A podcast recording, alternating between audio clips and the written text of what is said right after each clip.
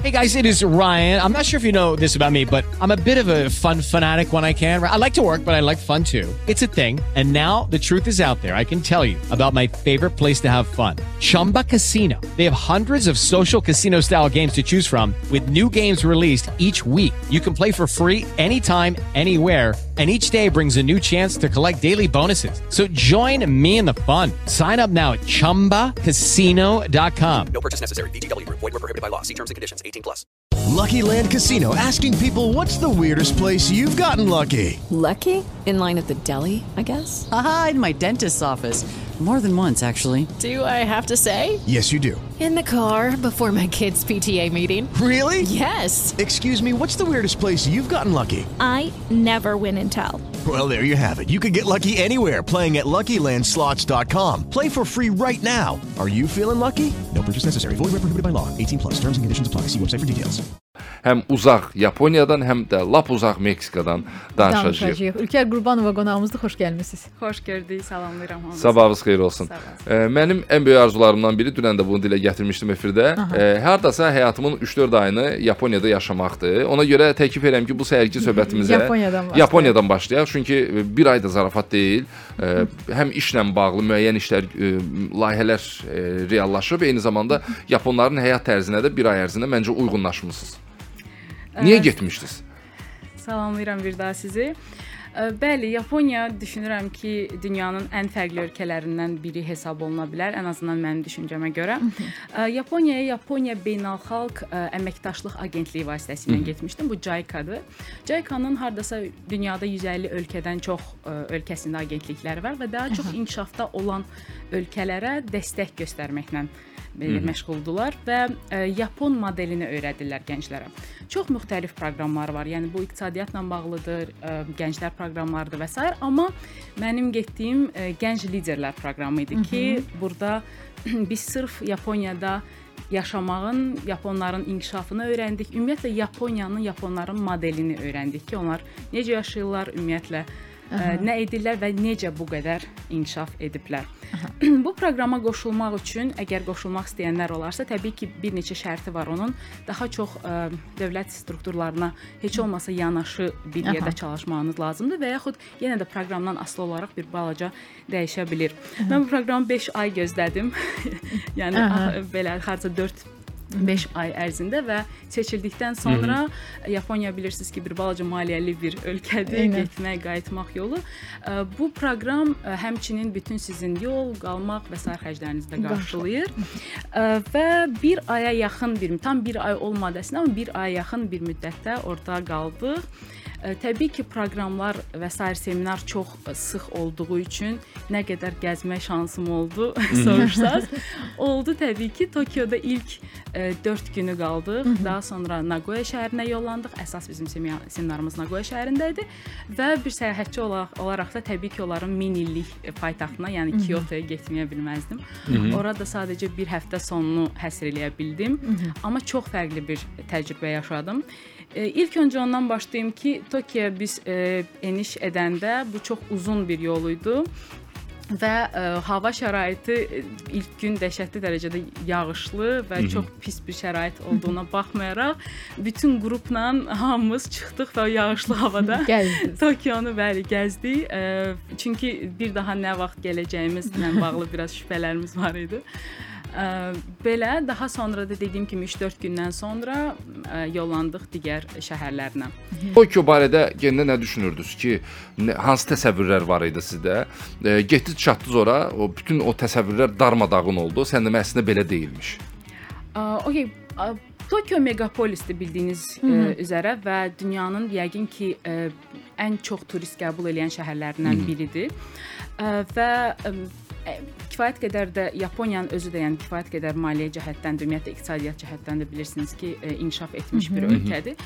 İlk öncə ora düşəndə ə, mənim bir balaca təəccüb keçirdiyim Yapon xalqı ümumiyyətlə ingilis dilinə və beynəlxalq belə deyək belə sərgüzəştlərə çox da açıq deyil deyə düşünmək kimi yarandı məndə. Niyə görə? Çünki 17 nəfər iştirakçı idik biz e, toplamda və ilk gün gəzəndə hardasa bir 10 nəfər, 11 nəfər gəzirdik və sadəcə bir sushi restoranı tapmaq istəyirdik artıq axşam yeməyi üçün və yolda gedən mərkəzdə olan yaponlardan hardasa bir hərəmiz yəqin ki bir 4-5 nəfərə yaxınlaşdıq və sadəcə sonda bir cütlük bizə yolu izah edə bildi ki, biz hara Aha, getməliyik. ingilis dilində. İngilis dilində. Digərlərinin heç biri ə, çalış, bəziləri heç ümumiyyətlə yaxınlaşmadı, digər dil olduğunu görüb uzaqlaşdılar və s.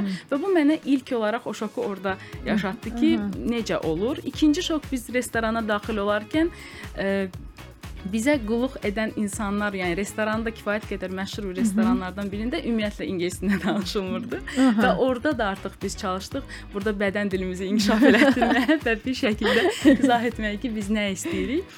Ə, Ümumiyyətlə Yaponiyada məsəl üçün ə, bəxşiş anlayışı çox da məşhur deyil. Yəni siz Ümumiyyətlə onlara bəxşiş anlayışı yoxdur restoranda. Bəli, yo yoxdur əslində. Yəni biz məsələn onlar onu başa düşmürdülər. Biz niyə görə artıq məsələn nəsə bir məbləğ saxlamaq istəyirik və buna ehtiyac olmadığını bildirdilər bir neçə dəfə. Hətta düşünürəm ki, biz daha sonra qorxduq ki, bir şəkildə incitmiş olarıq. Çünki bunu belə bir şey, biraz bir şey sərt deməyək, Hörmətsizlik olaraq Bəlkə qarşılayırlar. də bəli belə bir anlayış ola bilərdi ki, deyə düşünürəm. Və daha sonra biz də o zaman o bəxşi saxlamamağa başladıq. Ə, Ümumilikdə amma ə, yəni çox yaxşı bir təəssürat bağışladı dediyim kimi. Ə, Tokionun özü həm hava şəraitinə görə deyim biraz bizi çaşdırdı. Əm, Hansı amma- ayda getmişdiniz? Mən e, yanvar ayında getmişdim. Aha. Hətta pandemiyadan tam pandemiyanın başlanğıcında, hətta bizə bizim ölkəyə gəlib çatmamışdan öncə və belə bir fakt da deyim ki, biz meriyasına getdik ilk öncə Yaponiya e, Tokionun və artıq meriyanın əməkdaşları Moskvada idilar ki, dünya hələ ə, Covid haqqında çox da məlumatlı değildi bəlkə də o dönəm.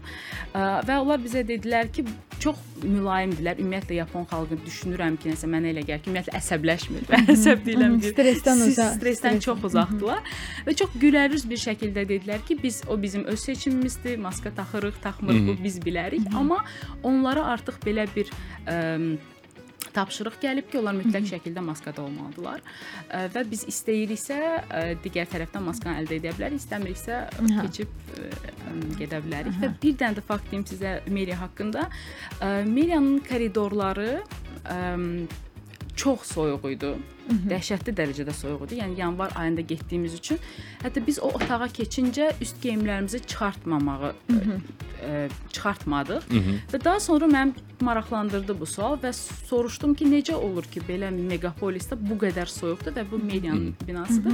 Onlar dedilər ki, biz enerjiyə belə qənaət edirik. Çünki koridordan biz gündə bir dəfə, maksimum 2 dəfə keçirik və koridorlarda biz üst geyimdən gəzə bilərik, amma bu bizim nə qədər enerjimizə ə, qənaət deməkdir. Ona görə də sadəcə otaqlarda yandırırıq, yəni istilik sistemi. Ə, Bundan başqa bir maraqlı ə, fakt da var, ə, yaponlarla bağlı.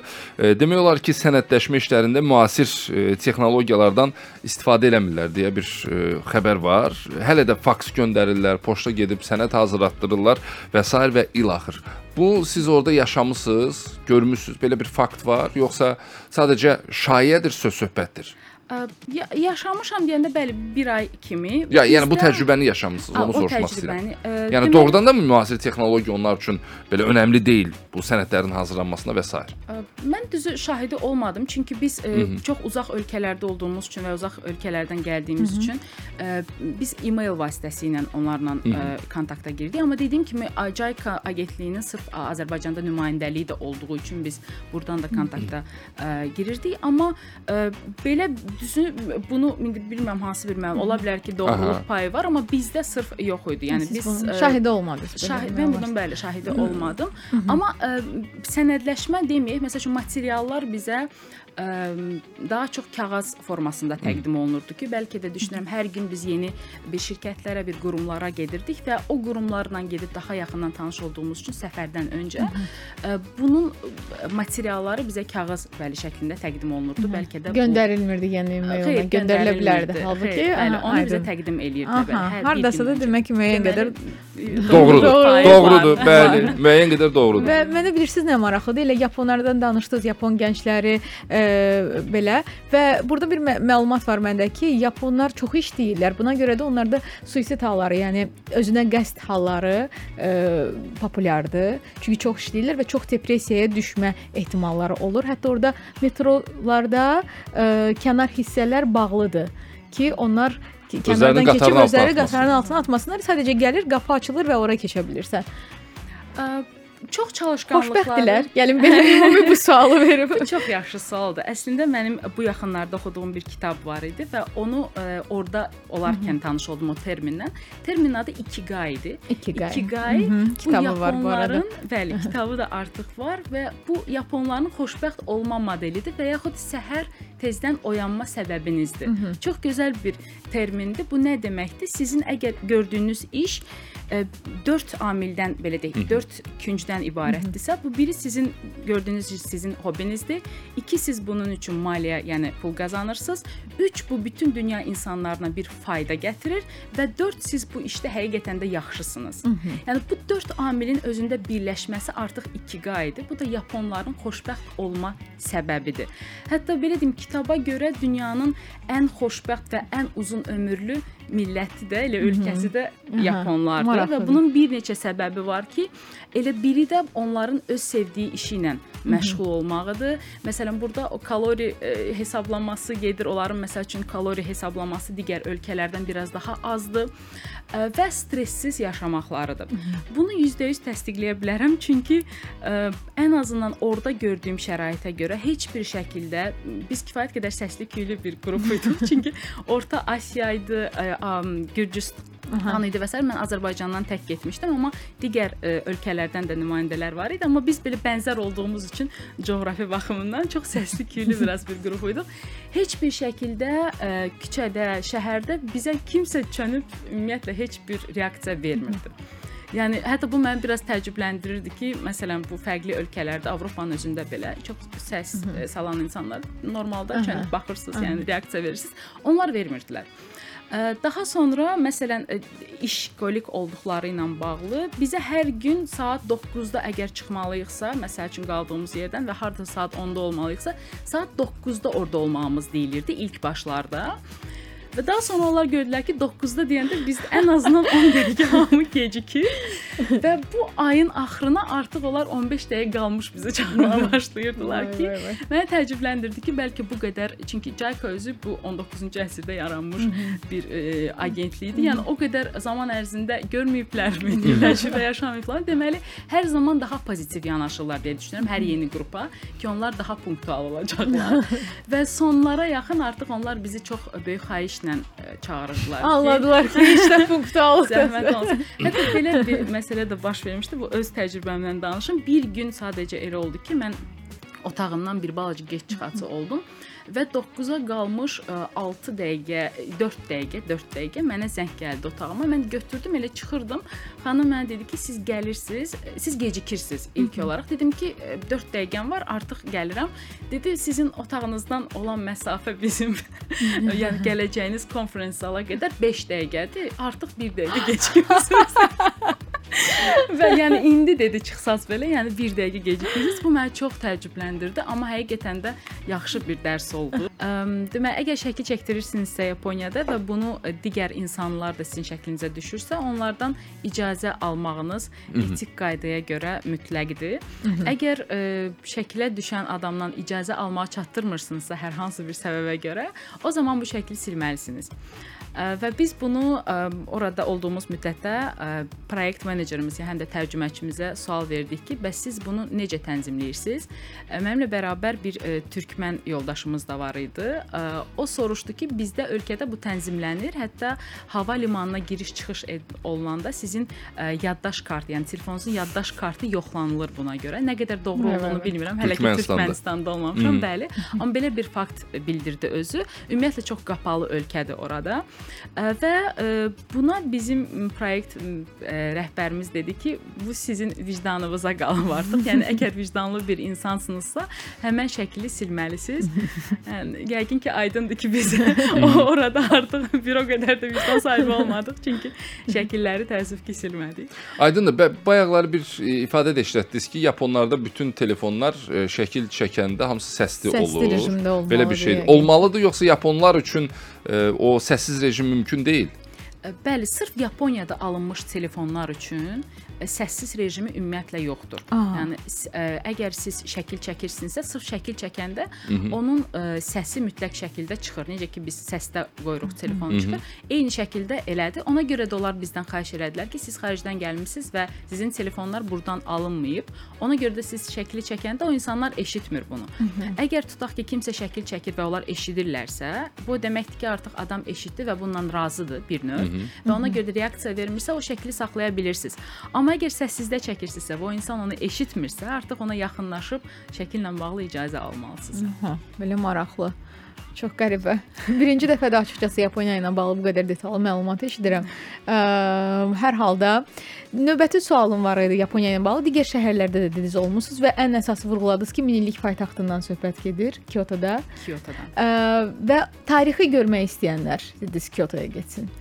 Bəli, ə, tam doğrudur. Düşünürəm ki, təbii ki, ilk öncə gələndə paytaxtı, yəni Tokionu görmək istəyirlər, amma ə, bundan daha az bir əhəmiyyət daşımayan Kyoto şəhəri var ki, orada siz Yaponiyanın mədəniyyətin tarixini görə bilərsiniz. Məsəl üçün Arashiyamada, Arashiyama çox onların məşhur ə, meşələridir, uzun ağaclarıdır ki, ora getməyiniz mütləq şəkildə tövsiyə olunur ki, səhər tezdən getsəz daha yaxşı olar turistlərin az olduğu ə, zamanlarda.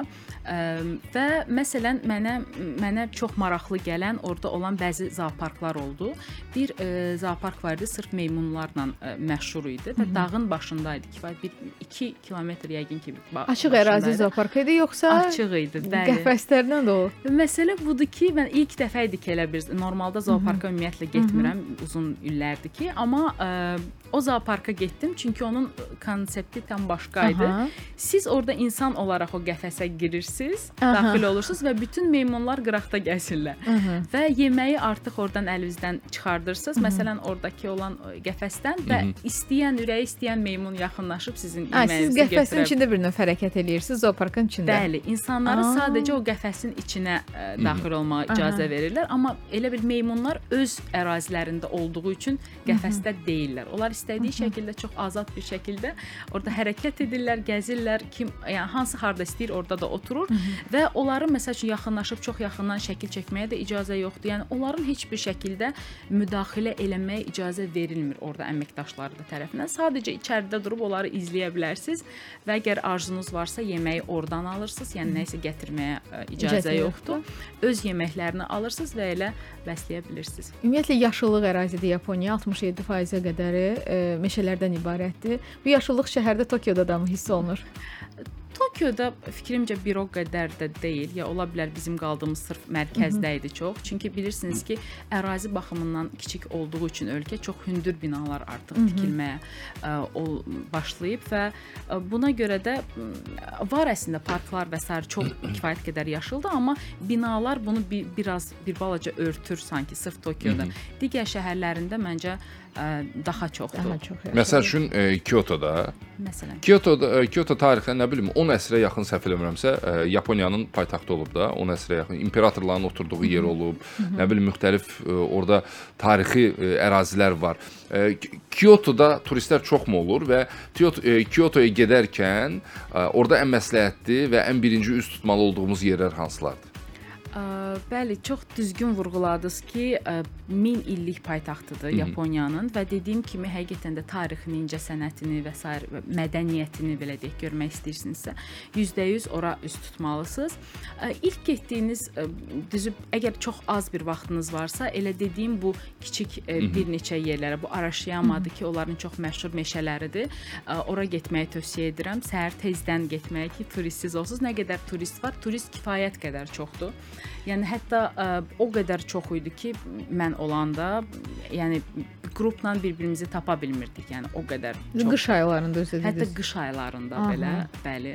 Ə, və ə, ona görə də yəni çox hələ mə məşhur belə deyək turistik məkanlarında daha da bir çoxdur. Məsələn, bu zooparklarıdır ki, kifayət qədər məşhurdur. Hətta ə, bir dağa çıxmalı olsanız belə, yəni bir 2 də az deyil, kilometr qalxırsınız və orada ə, ayaqla qalxırsınız. Yenə də ora çıxan kifayət qədər çox bir turist mən gördüm. Heç kim yəni tənbəllik eləmir, hamı çıxır və onları görmək istəyir. Və normalda məsəl üçün ə, bildiyiniz üzrə Yaponiyanın geyşa mədəniyyəti var Aha. ki, bu çay içmələr və o xanımların ə, sırf sizə o çay ə, Dəzgahını. dəzgahını hazırlaması və s. kimi belə bir şey var. Amma onlara heç bir şəkildə şəkil çəkmək, onları videoya çəkmək ə, qadağandır. Amma onun əsl geyşaları siz sırf Kyotoda görə bilərsiniz. Ən azından sadəcə gözünüzlə görə bilərsiniz. Əslən o əsl geyşa ilə saxtanın fərqi nədən ibarətdir? Yəni bunu necə ayırmaq mümkündür? e, yəni geyşa bu bir e, sənət dəstində olardı Aha. və bu biraz e, m, belə deyim, həm rəqslə bağlıdır, sırf milli rəqsləri ilə əslində bağlıdır ki, onlar e, çox qapalı bir e, qruplar üçün təşkil olunurlar və bu kifayət qədər e, biraz maliyyəli bir e, belə deyək, bir və, Turdur. turdur və ona görə də hamının ona ə, imkanı çatmır ki, onu getsin, sırf belə bir qrupda Nə qədər təxminən? Getdiniz? Xeyr, mən Maraqlı getmədim. məsələ odur. Mən necə elədim? Mənim maliyyəmi bir balaca aşırdı. Bu hardasa 1000 avro ətrafı ola bilər. Bir dənə ora bilər. o turda iştirak eləmək. Bə, yəni tur kimi deyə, yəni sırf o kampaniyada belə də iştirak eləmək və yaxud onlara olan bəxşişdir və s. Siz yəni bunu o onların Bax, orada bəxşiş var professiyasıdır. Yəni bu bir e, belə bir şey deyil ki, biraz fərqli ola bilər bəzi yerdə. O onlar bunu öyrədilirlər. Çox uşaqlıqdan bunu böyüdürlər, öyrədirlər. Təhsilini alırlar daha dəqiq Təhsilini az desək. qala, bəli, elə də alırlar və siz hətta geyşanın e, belə deyim, makiyajından belə bilə bilərsiniz ki, o neçə belə deyək, e, illik stajı var belə Təcrübəsi bir var. qədər təcrübəsi var. Çünki makiyajla belə onlar dəyişirlər, amma necə müşahidə edə bilərsiniz ki, mən belə ən azından gördüm onları. E, yaxında olan ərazilərdən sadəcə izləyə bilirsiniz. Onlar çünki e, bəlli bir saatları var. Çıxıb e, və ora məkana daxil olmaq kimi onlar elə bil ki, normal biz necə 9-6 İşə işləyiriksə, gedir. onlar yəni ki, iş kimi bunu çalışırlar və öz geyimlərində çıxırlar normalda və qıraqdan siz bunu müşahidə edə bilirsiniz. E, Və bunu daha çox Kyotoda məsələn müşahidə edə bilərsiniz ki, Tokyoda mən belə bir yeri Aha, görmədim. Görmədik. Bu arada ə, əgər bununla bağlı daha çox ə, məlumat almaq istəyənlər və yaxud da ki, geyşa mədəniyyətini bilmək istəyənlər varsa, Memories of a Geisha, Geyşanın memuarı, yəni xatirələri, kitabı da var, filmi də var. Ə, 2005-ci ilin filmidir. Çox sevilən filmlərdəndir bu arada. İzləyə bilərsiniz. Mən elə demək olar əsas gördüyüm. yəni bilmək istəyirdim əslində razıyam. filmlə eynidirmi? Orada filmdə göstərilən müəyyən nüanslar eynidirmi? Elə danışdıqca da əmin oluram ki, doğrudan da yansıdıblar. Əlbəttə. İndi e, gəlin biz amma belə baxıram ki, Yaponiya məsələsini danışdıqca təzə mövzular çıxır. e, mən əslində Meksikadan da e, danışmaq istəyirəm. Yaponiya ilə bağlı e, ən vacib deyiləsi nələr qaldı? Gəlin bir 3-5 dəqiqəmizi də buna həsr edib Meksikaya keçid alaq. Yeməyə vurğulayaq da. Mən bu səhər ac deyiləm də yemək yadıma düşmür, amma Yapon mətbəxi xüsusilə olmaz. seçilir. Bəli, Yapon mətbəxi xüsusilə seçilir. Yəni əgər sushi və sair sevirsinizsə, balıq ümumiyyətlə balıq kifayət qədər dadlıdır. Ə, Bunu bəli, təbii ki, getmisinizsə tövsiyə edirəm. Ə, Sushini bizdə və yaxud hər hansı digər ölkədə dadmağınız və orada dadmağınız bu tam fərqli bir mədəniyyətdir. Ümumiyyətlə yemək gətiriləndə biz məsəl üçün priborları istəyirdik artıq. Əlavə bıçaq verin bizə, çəngəl verin. Onlar çünki özləri sadəcə olaraq o gətirdikləri o iki- Çubuqlardan istifadə edirlər. Ə, yəni normalda məsəl üçün yağsız bir mətbəxi var, o bizdən fərqli ol olmaqla, yəni düyüdür var. Ona görə uzun yaşayırlar. Ona görə də uzun. Bəli, onların mətbəxi ümumiyyətlə ə, çox kal kalorili bir ə, yeməkləri yoxdur demək olar ki. Hamısı daha çox qaynadılmış yeməklərdir. Məsələn, tərəvəzlərinin özü də daha çox qaynadılmışdır.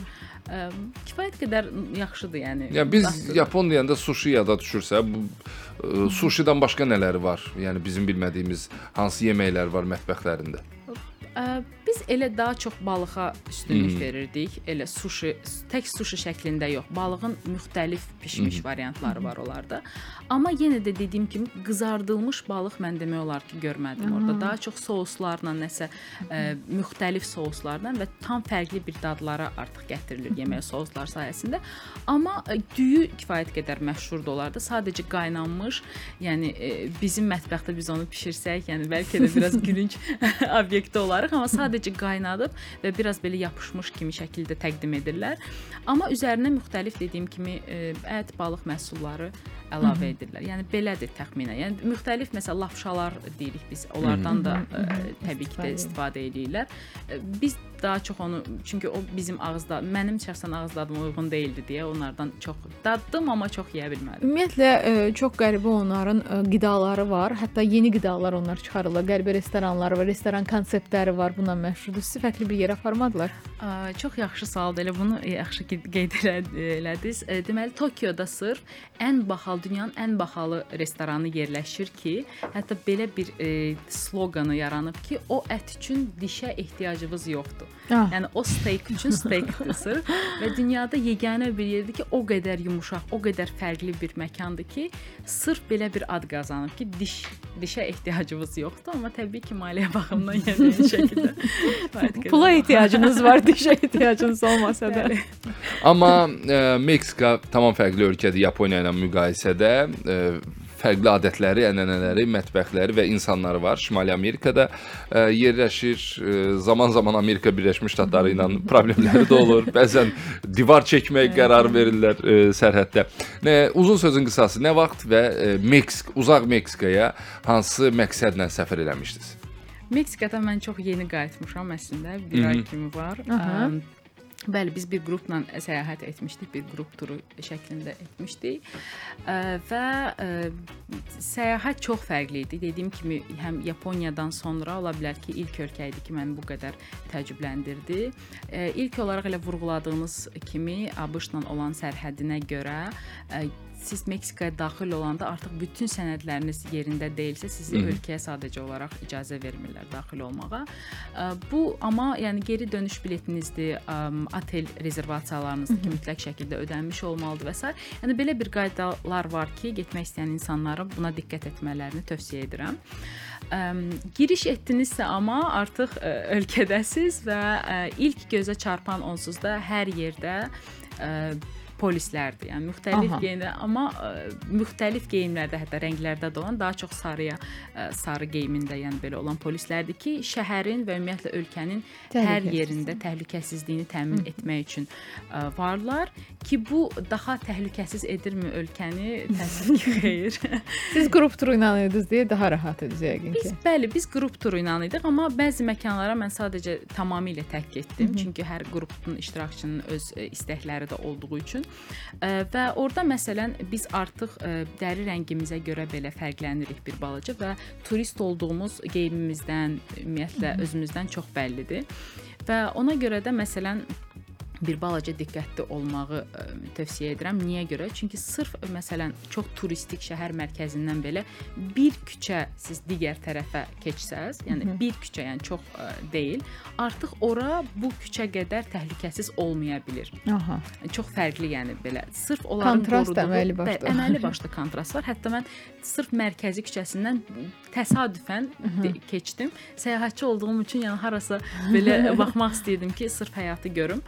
Və artıq ora keçid eləyəndə belə sizi e, anında e, göz altına alırlar. Yəni hiss eləyirlər ki, siz onlardan deyilsiniz və hərəsi öz Adi sakinlər? çəkir. Bəli, adi sakinlər. Nədir Kiçik bir- əsas məsələ? Yəni nə təhlükədir orada ən, ən əsas təhlükə? Ə, Əslində Oğurluqmu ola bilər yoxsa nə ə, Bəli, bəli. Yəni ən böyük təhlükə onsuz da oğurluqdur, amma e, məsələ budur ki, hamısının üzərində, hamısını deməyək, çoxunun üzərində soyuq silah da gəzdirə bilirlər. Yəni oğurluq sadəcə sizin sumkanızı alıb qaçmaqla kifayətlənməyə bilər. Yəni sizin həyatınız da təhlükəyə düşə bilər.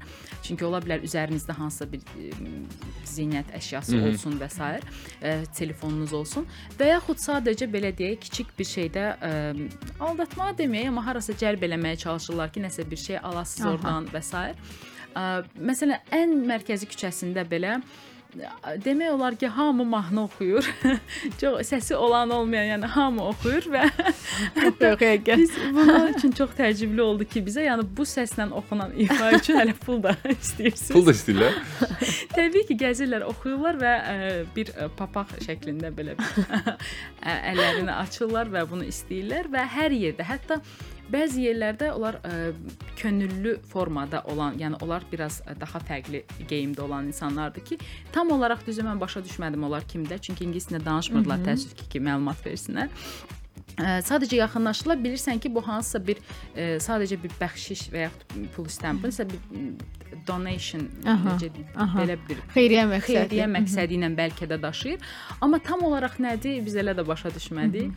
Belə bir ə, boksları var belə Aha, ə, qutularda. qutuları nəyisə fırladılar və ondan bir səs çıxır. Belə kiçik bizim uşaqlığımızda olan o qutuların Aha. böyüyü kimidir. Aha. Yəni şəhərin hər yerində o var demək olar ki. Yaxşı elə dil- dili vurğulamışkən orada ispan dilində danışırlar. Ə, İngilis dilində heç mi danışmırlar yoxsa ə, kommunikasiya qurmaq alınır?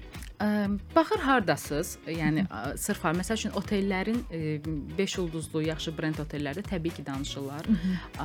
Eyni şəkildə restoranlar, əgər yaxşı restoranlardırsa təbii ki danışırlar.